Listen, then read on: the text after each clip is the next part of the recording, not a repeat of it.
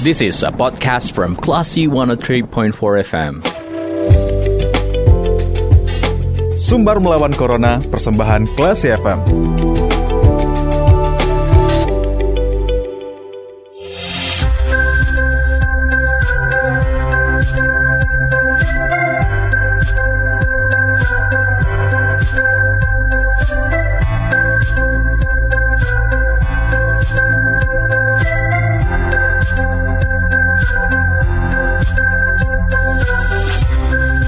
103,4 Kelas FM bersama kita lawan Corona. Kelas People, saatnya Anda kembali mencermati sumber melawan Corona persembahan Yayasan Semen Padang, Semen Padang Hospital. Kali ini kita sudah tersambung via telepon ada Rektor Institut Teknologi Padang atau ITP, Bapak Hendri Novrianto, yang akan berbicara seputar bagaimana dunia kampus beradaptasi di, tengah pandemi, seperti mungkin kegiatan perkuliahan, praktek, hingga wisuda. Kelas People memasuki dua tahun pandemi ya, pihak kampus mulai beradaptasi adaptasi menghadapi COVID-19. ITP, salah satu kampus di Kota Padang, bahkan mulai menerapkan wajib vaksin untuk mahasiswanya. Apa aja ya kira-kira adaptasi pihak kampus di tengah pandemi? Langsung kita sapa. Assalamualaikum, selamat sore Pak Hendri. Waalaikumsalam, sore kembali, uh, sahabat Klesi. Baik, uh, Bapak gimana kabarnya Pak di sore hari ini? Baik, sehat. Alhamdulillah. Alhamdulillah. Pak, Oke, Pak, ya. Eh, beberapa waktu yang lalu ITP melakukan pelaksanaan wisuda secara offline. Ini sudah kali keberapa wisuda offline yang dilaksanakan selama pandemi, Pak? Selama pandemi, pandemi yang udah masuk hampir dua tahun ya. Hmm. Maret besok udah nyampe dua tahun. Kita udah melakukan uh, wisuda offline adalah sebanyak dua kali. Yang pertama adalah bulan Mei kemarin, hmm. yang kedua adalah November ini, ya. Kemudian mengapa kita lakukan untuk wisuda offline? Ini pertama tentu adalah uh, kita ikut aturan pemerintah. Ya, uh, wisudawan yang periode kedua pertama wajib vaksin. Kemudian mereka harus punya aplikasi peduli lindungi ya yang mana di karena kita melakukan wisuda ini tidak di kampus, mengapa tidak di kampus? Hmm. Kalau kampus mungkin ya kita sedikit ragu, maka kita pindahkan ke Hotel Grand Zuri. Hmm. Kerjasama dengan Hotel Grand Zuri salah satunya harus vaksin. Oke. Okay. Dan ini kita udah laksanakan, alhamdulillah sukses. Cuman memang terbatas, waktunya nggak bisa sampai sore. Oke. Okay. Kalau boleh tahu berapa lama Pak untuk pelaksanaan wisuda sendiri dari bulan Mei dan juga di bulan November ya Pak ya untuk uh, kali kedua wisuda offline yeah. itu sudah ditetapkan berapa jam Pak? Uh, berapa jamnya kita mulai on time jam 8 ya. Berarti hmm. kan calon wisudawan udah udah datang sekitar jam 7 ya. Kemudian itu kita closingnya nanti di jam 2 secara total. Tetapi dalam prosesi wisudanya kita pakai waktu ya sekitar sampai jam setengah 12. Berarti ada space waktu dua setengah jam itu untuk ya wisudawan bersama keluarga mungkin menghabiskan waktunya untuk berfotoria dan sebagainya lah untuk mengambil foto kenangan mereka hmm. setelah selesai kuliah di Institut Teknologi Padang.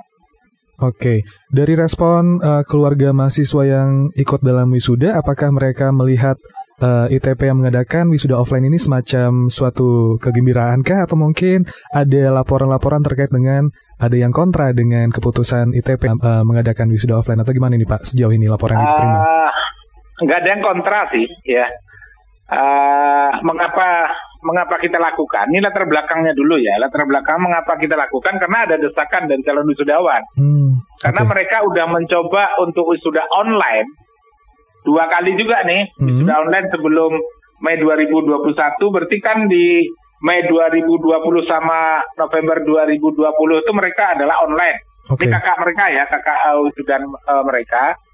Itu memang nggak terasa nggak terasa seperti wisuda. Itu hmm. itu laporan dari mereka dan mereka mengusulkan kita tetap wisudanya offline sih Pak dan kita akan ikut aturan.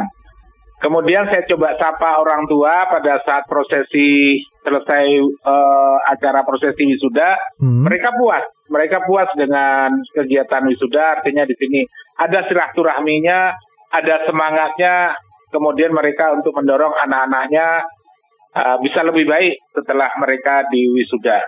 Itu mungkin dari keterangan beberapa orang tua. Yang jelas adalah puas mereka. Baik, Bapak. Oke, dan uh, kabarnya untuk ITP sendiri akan berencana mengadakan kuliah tatap muka. Itu kapan pastinya Pak yang akan dilakukan untuk kuliah tatap muka sendiri? Oke, uh, pastinya adalah kita nanti di minggu keempat Februari ya. Hmm. Mengapa di minggu keempat Februari? Karena kemarin kita uh, mulai perkuliahan pun agak terlambat kalau dibandingkan PTN ya. Hmm. Kita baru mulai di minggu keempat September. Jadi kita harus ya wajib ya untuk tatap muka itu adalah minimal 16 kali. 16 kali udah termasuk UTS dan UAS 16 kali. Cuman di dalam uh, kalender akademik kita tidak tidak hanya 16 kali, kita coba space 18 kali. Mengapa? Karena ya mungkin ada dosen yang uh, terlambat mengajar atau ada kesibukan lain, maka kita kasih 18 minggu untuk hmm. semester ganjil. Maka di semester genap itu akan kita mulai nanti adalah di minggu keempat Februari hmm. dan kita udah canangkan, udah canangkan besok mungkin udah keluar edaran untuk persiapan mereka menghadapi kuliah offline. Hmm. Ya, kuliahnya adalah luring langsung di kampus, tetapi di sini kita tetap memakai adalah kuliah luring terbatas. Oke. Okay. Saya anjurkan kepada wakil rektor satu karena bidang akademik sama dengan Bu Dekan, saya sampaikan tolong ya tolong disampaikan di masing-masing prodi minimal setiap dosen harus mengajar di kampus minimalnya satu mata kuliah satu dosen. Okay. Minimal ya. Hmm. Satu dosen itu mengajar satu mata kuliah di kampus. Sementara kita lihat dosen ITP berjumlah adalah 91 orang, berarti ada sekitar 91 mata kuliah yang akan diajar di kampus. Hmm. Itu minimal Pak, bisa saja nanti dua atau tiga mata kuliah yang diajar oleh dosen. Mengapa ini kita dorong? Karena pertama adalah uh, apa nih kalau kita lihat grafik daripada uh, kondisi uh, kondisi COVID sekarang mulai turun dan kita masuk ke level 2 PPKM. Hmm. Ini yang kita coba ambil peluangnya. Itu yang pertama. Yang kedua adalah ada dorongan dari mahasiswa meminta untuk segera dilakukan kuliah luring. Maka hmm. kita akan bikin edaran, besok akan terbit edaran. Di dalam edaran itu ada persyaratan mahasiswa harus vaksin dua kali. Oke. Okay. Itu nggak bisa ditawar. Mahasiswa harus vaksin dua kali. Mengapa saya anjurkan dua kali vaksin? Ya kita melihat sih bukti bahwasanya dengan kondisi vaksin ini disosialisasikan, digencarkan oleh pemerintah, terjadi penurunan terhadap yang uh, apa ini menyangkut daripada pandemi ini di Indonesia. Mengapa tidak kita ambil itu? Kemudian yang kedua, kita pun akan terapkan prokes yang sangat ketat di Institut Teknologi Padang. Hmm. Sangat ketat sekali. Kemudian nanti uh, untuk di kelas pun kita akan bikin ya kelasnya biasanya mungkin uh, satu kelas ada yang 40 40 orang, satu kelas atau 50. Ini mungkin nanti akan kita isi sekitar 60 sampai 70 persen. Demikian, Pak. Baik, Bapak. Berarti emang uh, tidak bisa di uh, apa ya nggak bisa dinego lagi emang harus minimal dua dua dosis vaksin uh, diterima oleh si calon uh, di si mahasiswa ini apa iya, ya? Oke. Okay. Harus uh, kita nggak ada nego sih pokoknya dua kali vaksin mahasiswa udah vaksin dua kali nanti kita lihat di dalam aplikasi peduli lindungi hmm. memang dua-dua kali maka mereka bisa kuliah kalau tidak mereka ya silakan tidak kuliah saja. Okay. Resikonya nanti mereka mau istirahat itu adalah resiko institusi, resiko saya. Tapi Baik. saya yakin anak-anak saya sepertinya sangat-sangat care untuk kuliah di kampus. Hmm. Buktinya apa? Di semester ganjil ini khusus mata kuliah saya ada satu mata kuliah yaitu tugas besar uh, perencanaan tebal perkerasan. Hmm. Ada 35 mahasiswa, saya coba tanya waktu kuliah online, ini Anda mau tetap kuliah online atau kuliah di kampus? Di kampus Pak, udah vaksin, udah Pak, oke. Oke semua saya bikin jadwal dan udah dua kali pertemuan kami melakukan kuliah uh, luring di kampus. Oke, berarti dari uh, respon mahasiswa benar-benar pro untuk melaksanakan kegiatan di dalam kampus ya Pak ya, ketimbang benar, online. Benar, benar. Mereka kangen sekali, hmm. kangen sekali untuk untuk ketemu. Kemudian satu lagi, ini artinya bukan tidak baik ya pembelajaran secara online, tapi tidak mencapai sasaran. Salah satu hmm. sasaran kita adalah Gimana kita akan membentuk karakter mahasiswa, sementara pada saat dia lulus sangat dibutuhkan karakter yang kuat. Ini yang nggak bisa kita sentuh. Betul sekali. Itu salah satu kelemahan daripada online. Oke. Okay. uh, mungkin dari segi penyampaian materi mungkin sudah uh, bisa dipenuhi di online, tapi dalam karakter building agak susah ya Pak ya kalau misal ditetapkan uh, berat online. Sekali, berat sekali, berat bukan, sekali. bukan susah lagi, berat sekali. oke okay, Bapak. Nah, kalau untuk pengetahuan oke okay sih, oke okay uh -huh. sih ya. Baik Bapak. Nah Bapak sejauh ini dari laporan yang Bapak terima, apakah ada mahasiswa yang putus di tengah jalan dikarenakan pandemi? Karena kan imbas pandemi bukan hanya dari segi pendidikan, tapi juga perekonomian. Gimana nih Pak, dari masa sulit selama 2 tahun, apakah ada mahasiswa Bapak yang memutuskan untuk tidak melanjutkan kembali pendidikan di ITP? Oke, uh, oke okay, okay ya. Ini, ini, ini sebelum saya jawab itu, hmm. uang kuliah di Institut Teknologi Padang, kita kalau kita bandingkan terhadap PTS yang ada di Sumatera Barat, khususnya Kota Padang ya, kalau kita mau ambil Sumatera Barat, hmm. termasuk yang mahal versinya ya. Okay. Versinya termasuk yang mahal. Tetapi alhamdulillah, alhamdulillah mereka sepertinya yang cuti cuti untuk satu semester itu enggak persentasenya tidak tidak mempengaruhi terhadap jumlah mahasiswa, tidak mempengaruhi terhadap keuangan. Ada ada semangat dari anak-anak ini tetap mau belajar. Kalau hmm. saya lihat di sana, kemudian strategi ITP adalah kita pada saat pandemi, sebelum pandemi ya, sebelum pandemi itu pembayaran uang kuliah ITP itu adalah dua kali. Dalam satu semester itu saya suruh cicil dua kali. Okay. Tapi pada saat pandemi masuk, saya lihat adalah perekonomian ini memang ada imbas mungkin bagi orang tuanya yang kerja di industri, hmm. ya kan? Nah, kemudian untuk yang kuliner. Tapi makin kemarinnya makin tidak ada masalah. Kemudian saya ambil strategi pembayaran uang kuliah adalah tiga kali cicilan. Hmm. Dan ini sepertinya tidak berpengaruh terhadap jumlah mahasiswa. Yang istirahat pun ada ya, tapi tidak signifikan. Oke. Okay. Jujur itu. Baik Bapak, berarti emang dari bisa disimpulkan untuk ITP sendiri tidak ada masalah ya Pak untuk uh, soal biaya kuliah dan juga mahasiswa yang mungkin putus di tengah jalan? Uh, nggak ada sih yang putus di tengah jalan hmm. dan tidak ada masalah sih masalah pembiayaan rasanya dan kita mensyukuri hmm. ya kita mensyukuri perhatian daripada pemerintah salah satunya apa? Yang terbantu tuh gini loh.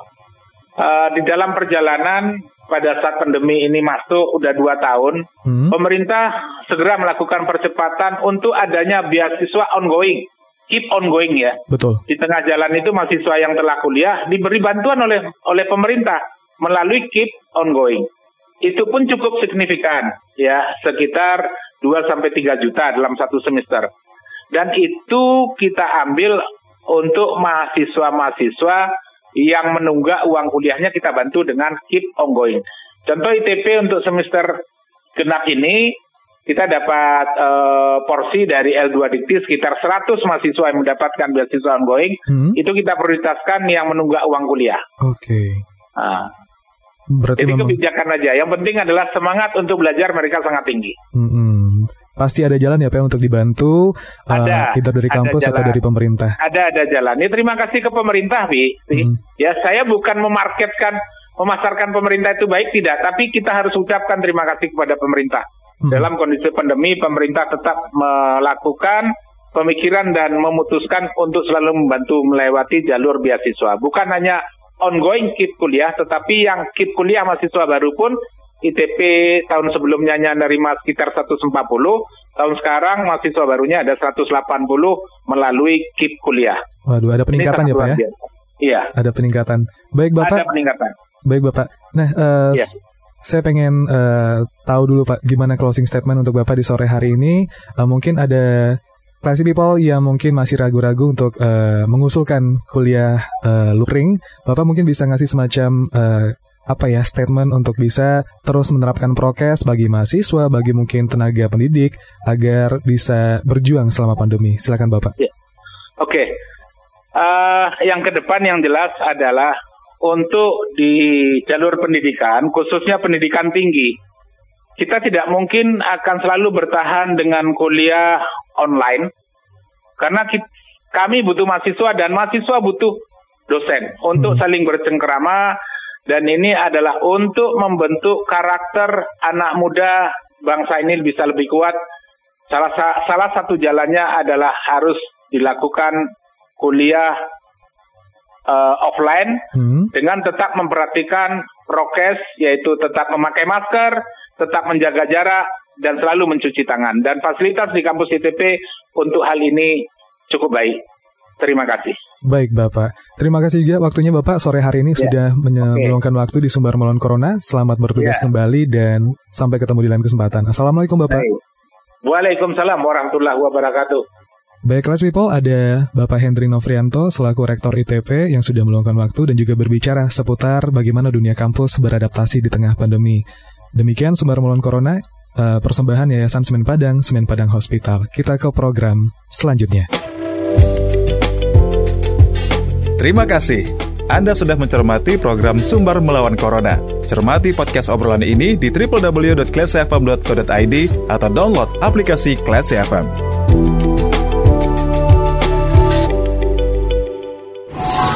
This is a podcast from Classy 103.4 FM.